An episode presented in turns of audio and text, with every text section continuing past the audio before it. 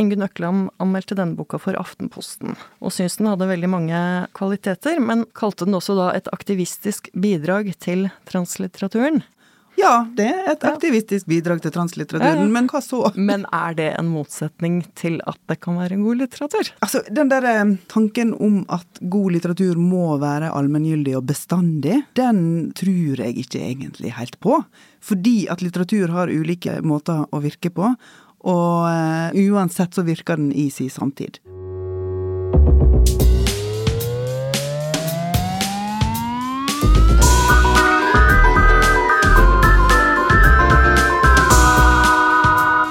Velkommen til en ny episode av Oleg og Bær på Litteraturhuset. I dag skal vi snakke om noen bøker som har felles at de har temaer knytta til det å være trans. Det er ikke så rart at dette gjenspeiler seg i litteratur. Spørsmål rundt det å være trans har skapt en god del nødvendige debatter de siste årene. Og noen som har vært eh, ganske ubehagelige, kan vi også si. Og vi har lest flere bøker utgitt ganske nylig i tid, som har felles at de handler om transfolks liv og virkelighet. Noen er skrevet av transfolk, og et par er det ikke. Og selv er jo da Olaug og Aubert to cis-kvinner. Cis betyr at man identifiserer seg som det kjønnet man er født med. Og det er jo litt det bakteppet vi kommer kom med og leser med. Så det kan godt hende at vi kommer til å si ting som er ganske opplagte for lyttere som er trans. Vi får bare håpe at vi kommer oss unna det. Vi skal snakke om bøkene, ikke om folka. Ja. Ja. Og vi gjør det med stor respekt. ja. Og jeg eh, leste første gang om trans, altså bøker om å være trans, eh, i 2008 og 2010. Det var bøkene 'Framandkar' og 'Frikar' av Tarald Stein. Og jeg har kjent eh, Tarald siden jeg var tenåring. Vi eh, pleide å møtes på kristne leirer. Vi kommer liksom alltid tilbake til aldri unna de kristne leirene. Men en gang så hadde Jeg gikk vel i åttende, niende klasse på ungdom, i hvert fall på ungdomsskolen. Og da hadde jeg fått vite rett før leiren at eh, min novelle som jeg hadde sendt inn til lokalavisa sin eh, novellekonkurranse, skulle komme på trykk. Og dette var jeg så stolt av, og jeg skraut av det og fortalte det til alle som ville høre på denne leiren. Men da jeg kom hjem fra leiren, så eh, lå Firda der, altså lokalavisa, og der var Tarald sin novelle på trykk. Ja. Premiert med andrepremie i novellekonferanse. Men Tarald hadde jo ikke sagt et ord om dette. Så, det, Så du det- dreit deg litt ut der? Jeg dreit meg litt ut der og følte sterk skam. Akkurat. Jeg gjorde det. Men uh, det, får, uh, det får være greit. Men i hvert fall, 'Framandkar', som kom i 2008, hadde ei tegning på framsida som er lagd av Marit Victoria Wulf Andreassen, og den forestiller en kvinnekropp med erigert penis under trusa. Og jeg eh, skal lese to dikt, de er så korte. Tunge lodd av løgn med brystvorter på. Kjære lege, skjær dei bort, så sanninga kan gå skjorteløs i sommersola. Altså, I tillegg til diktsamlingene så har Tarald Stein snakka offentlig om det å bli avvist for eh, kjønnsoperasjon. Og eh, les ett til som kanskje viser mer om det. Um, ikke bare én gang, som i skriftestolen, vitneboksen, må du tømme di sjel, men mange ganger, på ny og på ny, til bare fiksjonen finst att. Og jeg tenker jo at de dikta, altså særlig det diktet, men flere av dikta i de to samlingene, det framstår som egentlig et frampeik til den første romanen som vi har med i dag, nemlig Feminin gange av Molly Øksnevad. Feminin gange er en norsk roman som var utgitt i 2022. Ja. Skal jeg fortelle litt om handlingen? Gjør det. Ta oss inn. Liam og Thor er to unge gutter på vei mot Oslo i en gammel varebil. Liam er transmann, og det som er målet med turen er at han skal ha time på Rikshospitalet fordi han trenger kjønnsbekreftende behandling. Liam og Thor har vært kjærester, da Liam fremdeles hadde et jentenavn. Nå er de venner, men Thor er fremdeles forelska i Liam og veldig glad i han, han vil beskytte han og vil bare være nær han og at han skal ha det godt. Thor prøver sjøl ut feminine uttrykk, han går i skjørt og topp som Liam brukte før, og han sminker seg. Og det er egentlig den første delen av boka, som er en ganske lang Mm. eh, del av boka. Denne kjøreturen, rett og slett. ja, kjøreturen er jo kanskje hoveddelen Ja. av boka. Og en sånn bil som bare så vidt henger sammen, Ja. får vi inntrykk av. Og så er ikke de helt eh, komfortable med den kjøringa, eh, noen av de egentlig. Og de møter folk underveis, som ja. møter dem på eh, til tider ganske fiendtlig vis. Mm. Ja. Mm. Men når de kommer fram til Rikshospitalet, der Liam blir undersøkt, så da endrer fortellermåten i romanen seg helt voldsomt. Enkelt og rett fram blir dialogen mellom Liam og legen lagt fram, og det framstår Altså, den her um, porten, da, for å få lov å få den kjønnsbekreftende behandlingen, er altså det der intervjuet, og det framstår så brutalt og, og voldsomt og grelt at det er veldig vondt å lese. Og den der endringen i skrivemåte forsterker jo det, da. At her Ja, hvor vondt det er, da, for de begge to å være med på. Og det møtet med Rikshospitalet bygges det jo sånn veldig opp til. Mm. Og det får veldig alvorlige konsekvenser. Den måten Liam blir tatt imot på der, eller rett og slett ikke tatt imot i det hele tatt. Mm. Så ja, vi skal ikke røpe Nei. slutten nødvendigvis. Men det er jo en veldig alvorlig historie Ja. vi blir tatt inn i. Det er det. Men hva tenker du at den handler om? Den handler jo eh, mye, syns jeg, om eh, behovet for eh, å høre til hos noen. Altså å høre til i en verden. Mm. Tilhørighet, tenker jeg, er et ord som dukker opp veldig for meg når jeg leser den. Mm. Det er jo for det første Tors lengsel etter Leon, som vi får veldig sånn tidlig opp i skrivemåten. Det er eh, så veldig sånn det er behov for å eh, verne han og beskytte han. Mm. Det er veldig fint beskrevet, den der å se noen du elsker, noen du er så glad i, ha det såpass vondt som dette, da. Ja. ja. Og eh, det det setter i gang. Mm. Og så tematiserer det selvfølgelig det rent konkrete i det veldig dårlige eh, tilbudet om helsehjelp til transfolk. Ja.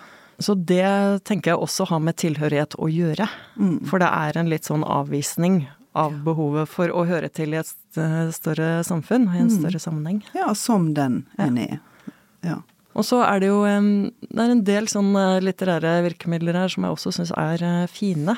Mm. Jo for eksempel eh, det eneste ordet som blir litt sånn forklart før romanen begynner, fra forfatterens side, er ordet binder. Altså eh, en slags kompresjonsplagg Mm. som skal holde inn eh, brystene. Mm. Og Lian bruker eh, det.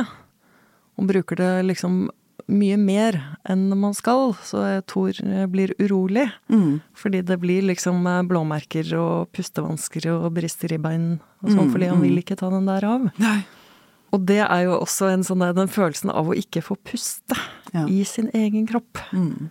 Og liksom eh, ikke komme ut av det der som eh, driver og klemmer inn mot deg, da. Ja. Det, det syns jeg er et uh, virkemiddel som fungerer ganske godt. For det, Mm. du får den derre trykkende, klaustrofobiske uh, følelsen som er i kroppen. Mm. Og det der å være så bevisst på puppene sine, liksom, til Ja, enhver tid. Ikke liksom eh, kunne finne hvile, Mm. og ikke bli tilbudt eh, noen vei ut av det. Og stadig bli avskåret fra en vei ut av det. Mm. Fordi du blir møtt med et så fiendtlig blikk Ja. fra omgivelsene. Mm. At det er så strenge kriterier for å få lov å få den hjelpa. Ja. Og det er jo både den der eh, blikket til Rikshospitalet, Mm. som blir adressert her, men det er også et sånt konstant, litt sånn overvåkende og ubehagelig konfronterende blikk fra folk de møter. Ja. Det er litt sånn som ikke liker eh, hvordan Thor kler seg, som liksom prøver ut eh, feminine plagg, eh, som prøver ut sminke, Mm. som ikke liker eh, noen av dem, eller Mm. møter dem med sånn mistro. Ja. Og det, det liksom utenfra-blikket Mm. eter seg sånn helt inn i den der lille varebilen de sitter i, Ja. som hele tida føles som bare et sånt skjørt eh, reisverk, da, Ja. mot omgivelsene. Ja, og når vi spiller inn denne podkasten, det er dagen etter at vi fikk vite at Kjersti Horn blir ny eh, teatersjef på Det Norske Teatret, og hun eh, uttalte at hun ser ikke ut som en sjef, hun bærer sin sårbarhet utenpå kroppen.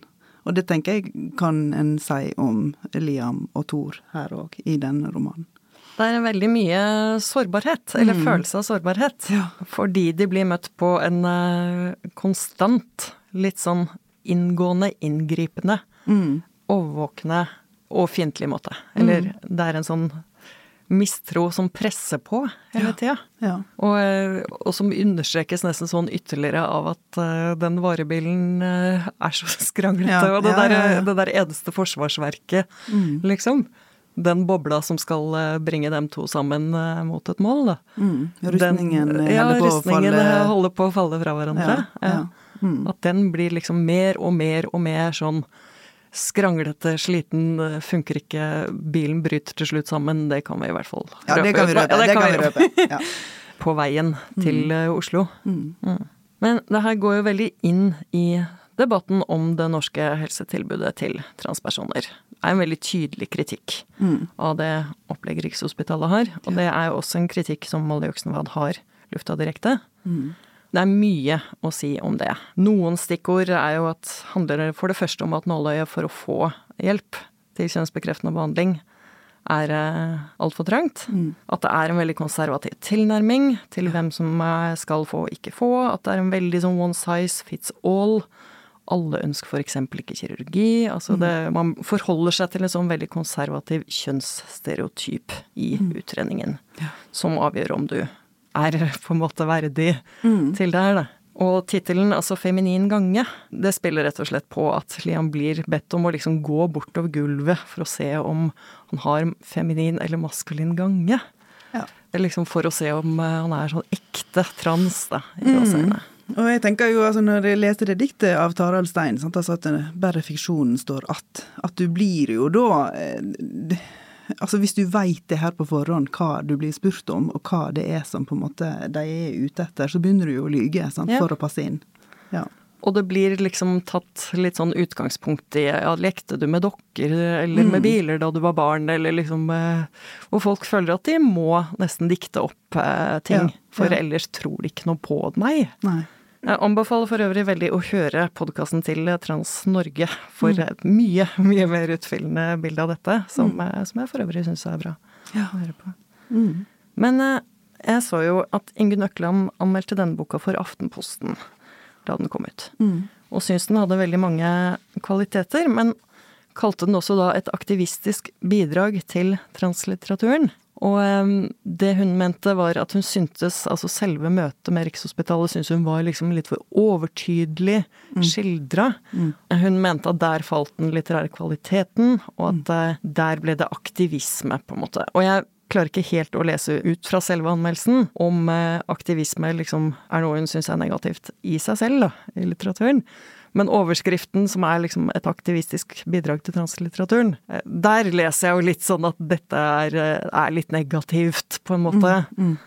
Hva tenker du om det? Er Nei, det, det er det et et aktivistisk bidrag til translitteraturen, ja. for det første? da? Ja, det tenker jeg at det er. Et aktivistisk bidrag til translitteraturen. Ja, ja. Men så tenker jeg, ja, hva så? Det er jo bare bra, det. Ja, for jeg, det neste spørsmålet jeg tenker da, er jo Men er det en motsetning til at det kan være god litteratur? Det, det jo Nei, jeg, eh, altså den der eh, tanken om at god litteratur må være allmenngyldig og bestandig, den tror jeg ikke egentlig helt på. Fordi at litteratur har ulike måter å virke på. Og denne den her boka altså Det går ikke an å spå om den blir stående om 20-50-100 år, det er vanskelig for oss å vite. Men uansett så virker den i sin samtid på en god måte, fordi den setter fokus på en problemstilling som er viktig, og den er god nok til at du gidder å lese den ferdig, for å si det brutalt, sant? Altså, du skjønner hva jeg mener. Og om vi da leser den igjen om 20-50-100 år, så får vi jo håpe at virkeligheten ser litt annerledes ut, og da vil vi jo lese den med det blikket vi har da, sant? Altså, da får vi håpe at da er eh, er ikke det nødvendig med aktivistisk translitteratur, da, kanskje? sant? Men, men, men det er det åpenbart nå. Og jeg syns det er tipp topp, og det kan en anerkjenne som en kvalitet i seg sjøl. Jeg tenkte jo eh, at du har jo også skrevet eh, litteratur som jeg faktisk vil betegne som aktivistisk. Ja, det gjør jeg sjøl òg, og det står jeg innenfor og skammer meg ikke over i det hele tatt. Tungtidstale, Ja. Og Ingunn Økland syntes vel at den òg var litt for aktivistisk, om jeg ikke husker feil. Men det er Men det her er jo en litt sånn skillelinje i litteratur, da. At noen liker ikke når det er et litt sånn politisk mål innbakt. Hvis det vises for tydelig på en eller annen måte. Mm. Og noen kan like det. Ja, og det henger vel igjen det at vi tenker om 70-tallet at det var så masse politisk aktivisme og AKP-ML-litteratur osv. osv. At det var ikke bra da, eller at det gidder ikke vi å lese lenger. Men, men igjen, hva så? Hver tid eh, sier litteratur, og hver sak sier litteratur, må en jo òg kunne tenke. Og for meg med tungtidstale så var jo målet og begrunnelsen og hele ideen med å skrive hadde jo veldig masse med at jeg ville noe politisk. Hva var det du ville? Nei, jeg ville sette fokus på hvordan det er å leve Å leve med et barn som trenger så masse omsorg som mitt barn trenger, og hvordan det er for vanskelig å få den hjelpa en trenger. Så det er jo i slekt med Molly eh, Øksnevad sitt prosjekt, hvor vanskelig det er å få den hjelpa en trenger. Og dere satt i et panel sammen på et tidspunkt? Ja, vi var, møttes i eh, Odda på eh, Litteratursymposiet i Odda i fjor, var det vel. Og da var det oss to og Mimir Kristiansson, som har jo skrevet boka 'Mamma er trygda'. Det er riktignok ei sakprosabok. Men da snakket vi jo om hvordan, ja, i hva grad virker den typen litteratur, og ja, denne problemstillinga. Funker det å skrive politisk? Kan vi det? Hjelper det? Og så videre. Ja, nei, jeg syns jo at uh, Molly Øksnevad svarte veldig godt på de spørsmåla, og snakket jo der òg i det panelet om hvordan hun hadde drevet research for å eh, sikre seg at uh, scenen fra Rikshospitalet med intervju av Liam skulle være fullt ut troverdig. Så da tenker jeg jo at Molly Øksnevad viste jo der at det er forskjellig skrivemåte, sant, og i den der første delen som er veldig litterær på en helt annen måte, da, sant? altså med litterære virkemiddel. Mens virkemidler i den delen som handler om Rikshospitalet, det er den der direktheten og brutaliteten. Ja, da blir det veldig sånn knapt. Ja. Eh, knapt, hardt, ganske sånn brutal, sånn som du sa. Mm. Men jeg tenker jo at hvis man først eh, går inn på litteratur som er politisk Du har jo for eksempel Toni Morrison, Mm. som jeg på en måte syns jo er en helt dypt politisk forfatter. Mm. Og det er ikke noe sånn at det er veldig godt skjult. Nei, nei. at, eh, at det må skjules. Nei. Jeg prøver å skjønne litt hvor, hvor de innvendingene kommer fra. Mm. Og det tenker jeg kanskje må være en sånn hvis du i ei bok føler at du ser reisverket for tydelig, eller noe sånt, da. Ja. At du kommer ut av fiksjonen, eller eh, noe sånt. ja. Og det kan jo selvfølgelig skje. Men, Det er eh, jo legitimt som Men jeg så jo eh, en eller annen anmeldelse for relativt kort tid siden hvor det sto 'romaner skal ikke ha noe budskap'. og da tenkte jeg det kan det da utmerket godt ha. Ja, jeg mener jo det, altså. Ja. Herlighet. Og eh, særlig i spørsmål hvor eh, folk flest har ganske lite innsikt, da. Mm. Og veit ganske lite. Ja. Så er det jo av og til ganske nødvendig. Ja. At du går eh, inn og sier 'sånn er det'. Mm. Sånn ser virkeligheten ut. Og at eh, skjønnlitteraturen har en mulighet til å framføre den typen budskap med en større tvetydighet enn en kronikk. Tvetydighet, mangetydighet. Ja. Og med et større fokus på å beskrive følelser. Og klare å fargelegge på en helt annen måte enn eh, ja, en kronikken, sakprosaboka, fagboka. Det er en måte å formidle på som jeg syns at det må være lov å ta i bruk, altså. Og eh, litteraturen er autonom, ja, det er den, men en behøver jo ikke å tåkelegge den i fullstendig hemmelighetsskremmeri når en skal snakke om hva det er en har skrevet om. Nei, jeg syns ikke et mål på kvalitet er at det tar ikke stilling. Nei, nei jeg er helt enig. Jeg Helt syns godt det kan ta stilling. Kan godt ta stilling. Og jeg syns det kan ta ordentlig, ordentlig stilling også. Mm, mm. For Og- eh, noe av det mest verdifulle litteratur kan gjøre, er jo det der at det setter deg et annet sted Mm. enn ditt eget. Ja.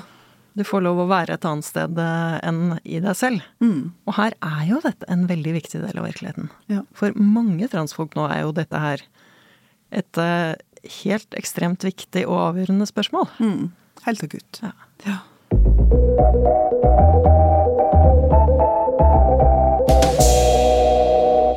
Av eh, bøkene med transtematikk som har fått mest omtale de siste årene, det er utvilsomt eh, romanen Detransition Baby, som kom på norsk i vår, oversatt av Kirsti Vogt. Og den er skrevet av eh, Tori Peters, amerikansk forfatter. Hun besøkte Litteraturhuset i vår. Og man kan høre både scenesamtale og foredrag av Tori Peters på Litteraturhusets egen podkast. Anbefaler sterkt. Det Ja, det var veldig bra. Ja, det var ordentlig bra. Ja. Her møter vi transkvinnene Reece og Amy, som er eh, kjærester. Reece ønsker seg veldig et barn. Det er liksom den neste drømmen som eh, hun håper skal bli oppfylt. Men det går veldig i knas for henne da Amy detransisjonerer, og så bestemmer seg for å leve som mann på nytt. Mm. Og så er fortsatt trans, men har eh, liksom nådd en litt sånn eh, følelse av at eh, det er lettere å bare leve som mann, Mm. på en måte. Og kaller seg da Ames, Mm. og lever som mann. Først James, så Amy, Ja, så Ames. Så Ames. Mm. Så da nåtidsfortellingen begynner, så blir Reece kontaktet av Ames. Da har ikke de vært sammen på en god stund. Og eh, Ames er da sammen med Katrina, som er eh, for det første sjefen hans. Og for det andre er blitt gravid med hans barn. Altså, Ames eh, har trodd han har blitt steril av hormonbehandling, men den gang ei. Mm. Og Reece har veldig ønsket seg barn, men Ames er veldig usikker på særlig det å være far, da. Mm. Og Katrina på sin side, hun eh, er ikke klar for å være alenemor. Så hun er litt sånn hvis du ikke er med på dette, så eh, får ikke jeg dette barnet. Mm. Men Ames får da ideen om å spørre Reece, eksen, om å bli med på laget. Mm. Som eh, er en mer moderlig type. Og så begynner romanen her. Den handler om hva som skjer uke for uke i dette påbegynte svangerskapet. Ja, og kan vi kanskje kort kommentere her at dette er jo som å se Sunset Beach Ja, ja, dette, og det har jo Tori Peters også understreket, at det er et litt sånn Ja ja, og dette er bare det første kapitlet. Ja. Liksom. ja. Men vi får også eh, bakhistoriene til både Reece og Amy. Mm. Og det her er jo en bok som ikke henvender seg til et cis-publikum på den måten at den skal forklare voldsomt mye om hva det vil si å være trans. Den er ikke sånn som stopper opp og forklarer 'dette betyr at man gjør sånn', og 'dette betyr at man gjør sånn'. Og eh, Kirsti Fugt, som har oversatt eh, boka til norsk, hun eh, researchet jo en del sånn bare hva slags uttrykk bruker transfolk i Norge, istedenfor å liksom skulle begynne å finne sine egne litt sånn dårligere versjoner av amerikanske uttrykk. Mm. Ja, liker du den? Jeg er ganske både og. Ja.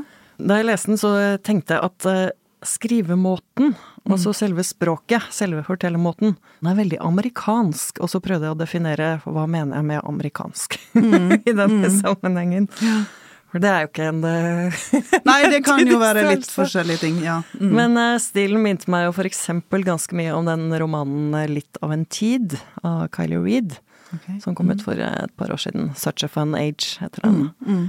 Det er en sånn ganske kjapp, snappy stil. Veldig sånn veldreide, godt uh, smidde setninger, på en måte, da. Sånn hele tiden sånn uh, kjappe vekslinger mellom galgenhumor og inderlighet. Mm. Og ganske sånn uh, i tiden-følelse. Ja. Det er mye muntlighet til tider, ganske sånn dialogdrevet. Den er jo lettlest, på en måte. Den er jo en veldig sånn page-turner av Ja. bok. Men jeg er veldig blanda til altså selve den stilen. Ja. Alt er veldig sånn opp i dagen. Det er lite sånn undertekst, Mm. hvis man kan bruke det, da. Og der eh, tenker jeg jo sånn Jeg syns ikke det er sånn plass til å tenke med, på en Nei. eller annen måte. Nei.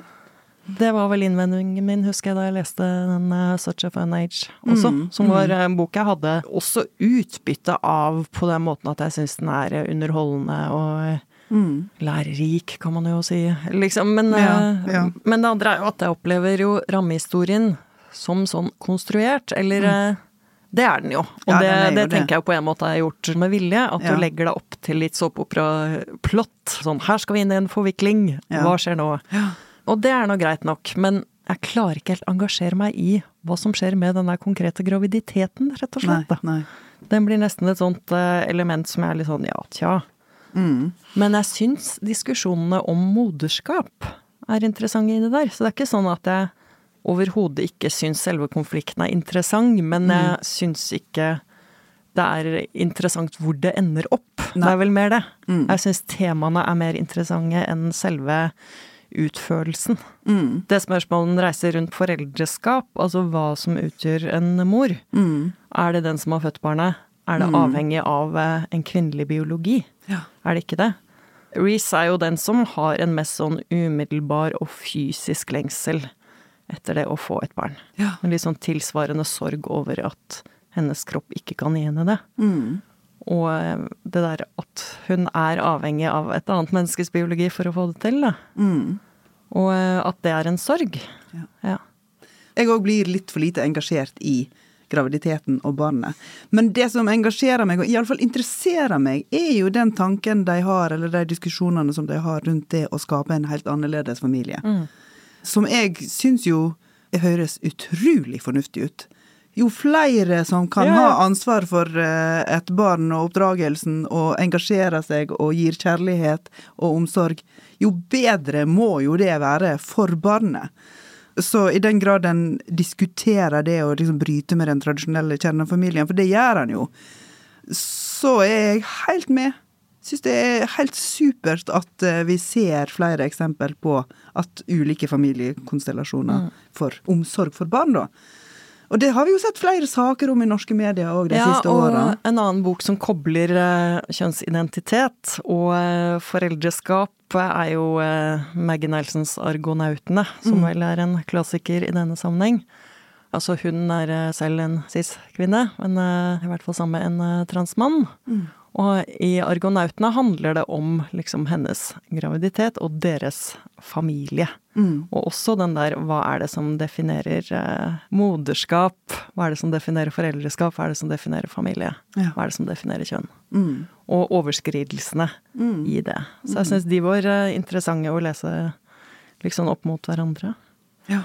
Men det er jo en bok som ikke gir mye gratis, liksom. De forventer jo at du selv tar eh, liksom eh, jobben med å sette deg inn i de ulike sidene ved å være trans. Hva tenker du om det? Ja, det er sant. Men jeg reagerer vel mer på det som blir gitt gratis. Ja. altså det som, det som du var inne på med at, eh, at det ikke er så god plass til leseren. sant? Altså En ting som jeg ikke likte ved boka, eller som trøtta meg, eller som nærmest irriterte Nei, ikke irriterte, det er for strengt. Men det blir jo beskrevet ofte, særlig med Reece, at Reece skjønte umiddelbart, og Reece forsto med en gang. Og så det hun da forstår når hun ser på yngre transkvinner. Det er liksom, For en psykologisk innsikt du har ved første blikk for den ene og den andre. Og det hun da ser ved dem, da tenker jeg liksom ja, det er lærerikt og interessant at du forstår deres psykologi, hvordan de fører seg, hvordan de er, men, men likevel så, så kjente jeg at bare for noen overmennesker av noen tolkere og gjennomskuere og eh, ja. For så god innsikt i mitt eget følelsesliv har i hvert fall ikke jeg, og jeg hadde heller ikke i andres. Blir litt sånn ekstra klok og god. Ja, og at det var eh, litt slitsomt. Mm. Og at jeg føler meg underlegen disse her eh, fantastiske personene. Ja. Ja.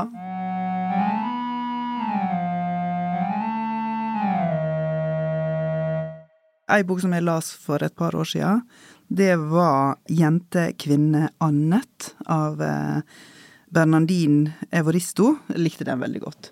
Og den tar opp en del sånn Altså, det er kvinner hele veien i, um, i flere generasjoner som tar opp da det å være lesbisk feminist, for eksempel.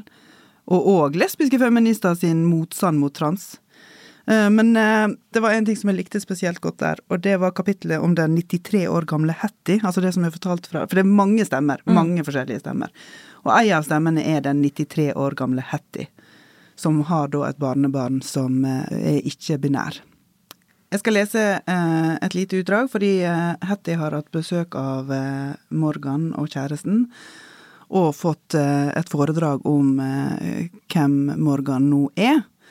Men eh, det vil hun ikke forholde seg til, og sier det rett ut, og da blir Morgan sur og har ikke kontakt på ei stund.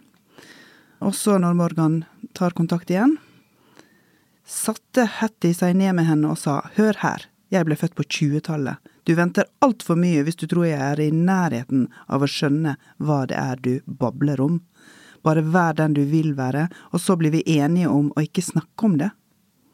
Det pussige er at Morgan ikke har forandret seg i det hele tatt siden hun ble en kjønnsveterinær, ikke-bindende, hva det nå heter, bortsett fra å bytte navn fra Megan til Morgan, og det er greit, det, det kan Hattie leve med. Hun kalte seg i det minste ikke Reginald eller William. Hattie går absolutt ikke med på å kalle henne hen istedenfor han, som hun ba om.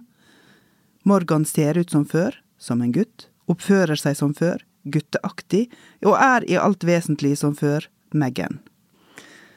Og det er jo litt sånn, altså jeg tenker når jeg leser det, at jeg selvfølgelig tilgir en 93 år gammel dame som ikke orker å ta inn over seg hele den historien og definisjonen og så videre. Og jeg er ikke 93, jeg er bare 45, og jeg kan godt kalle folk det de har lyst til å bli kalt. Men jeg merker at med The Transition Baby, at en del av den informasjonen som kommer der, og særlig de psykologiske forklaringene, ja, jeg føler at jeg ikke klarer å ta det inn, og ikke klarer å forstå det. Og jeg vil ikke være hetty, altså. Og jeg tenker ikke at jeg skal være hetty, men jeg tenker at det kan hende at jeg skal begynne en litt annen plass, da. begynne litt forsiktigere. Men jeg tenker jo Jeg liker jo nettopp den innforståttheten.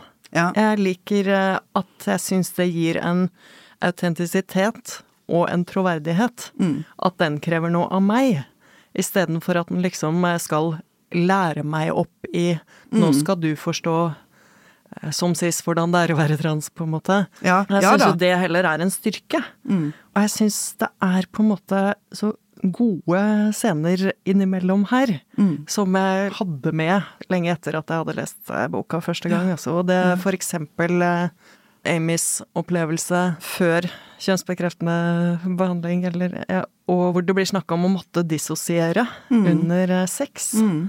Fordi du eh, ikke kjenner liksom med den kroppen eh, du skal utføre disse handlingene med. Mm. Din egen kropp. Ja. Og den overveldende opplevelsen i å for første gang oppleve at kroppen og det seksuelle møtet stemmer.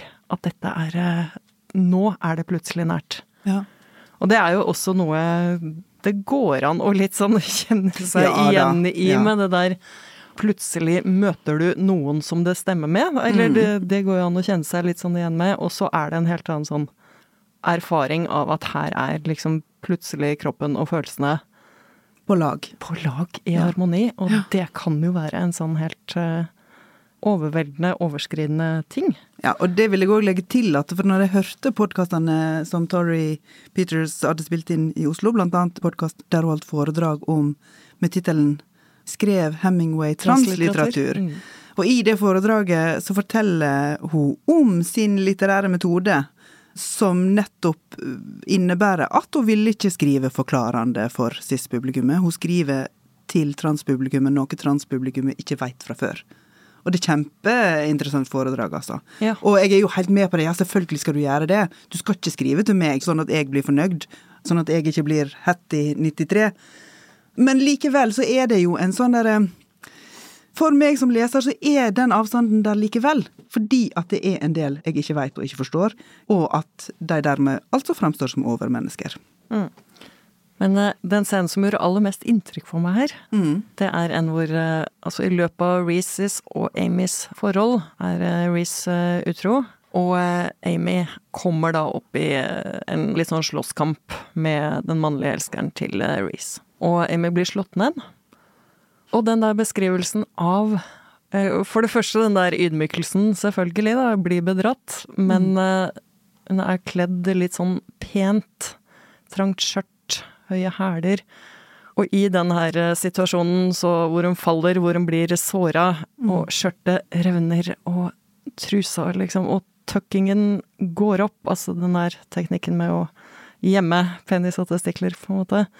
Og den derre skammen som eh, liksom eh, beskrives i at testiklene blir synlige, det blir beskrevet på en sånn sårbar måte. Mm.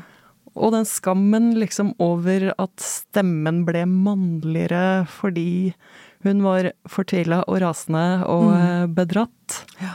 Og den, eh, den syns jeg var vond, altså. Mm. Den, eh, den, var berørende. Ja. Den syns jeg var skikkelig god. Ja, men det er jo sånn at vi liker bedre å lese scener der folk viser sin sårbarhet, mm. enn der de viser sin overmenneskelighet. Det er sant.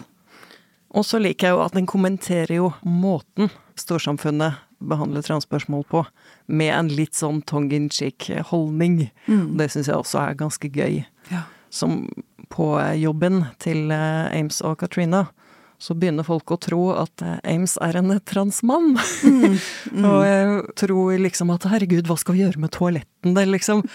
Hva skal vi gjøre, hva skal vi gjøre? Mm. Vi, må, vi, må, jo være en inkluderende arbeidsliv. Litt sånn mm. Eh, den derre friends-in der. Mm. Og det, det, blir litt sånn ja ja, mens det underliggende temaet blir jo mye mer sånn hva med de veldig høye selvmordstallene ja. blant transfolk? Mm. Hva med den utstøtelsen? Hva med transpersoners psykiske helse?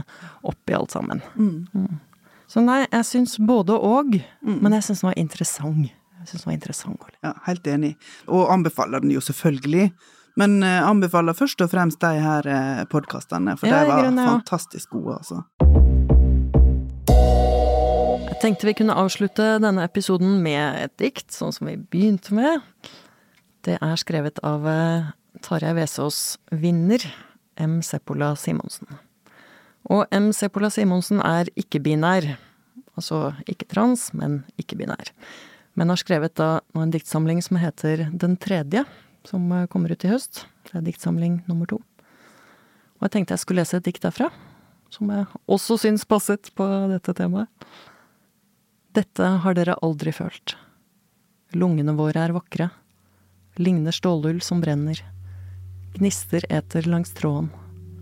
Å glede seg over sin egen kropp er som å trekke pusten gjennom alle porene i huden. Det var fint. Veldig fint. Takk for i dag. Ja. Takk for i dag.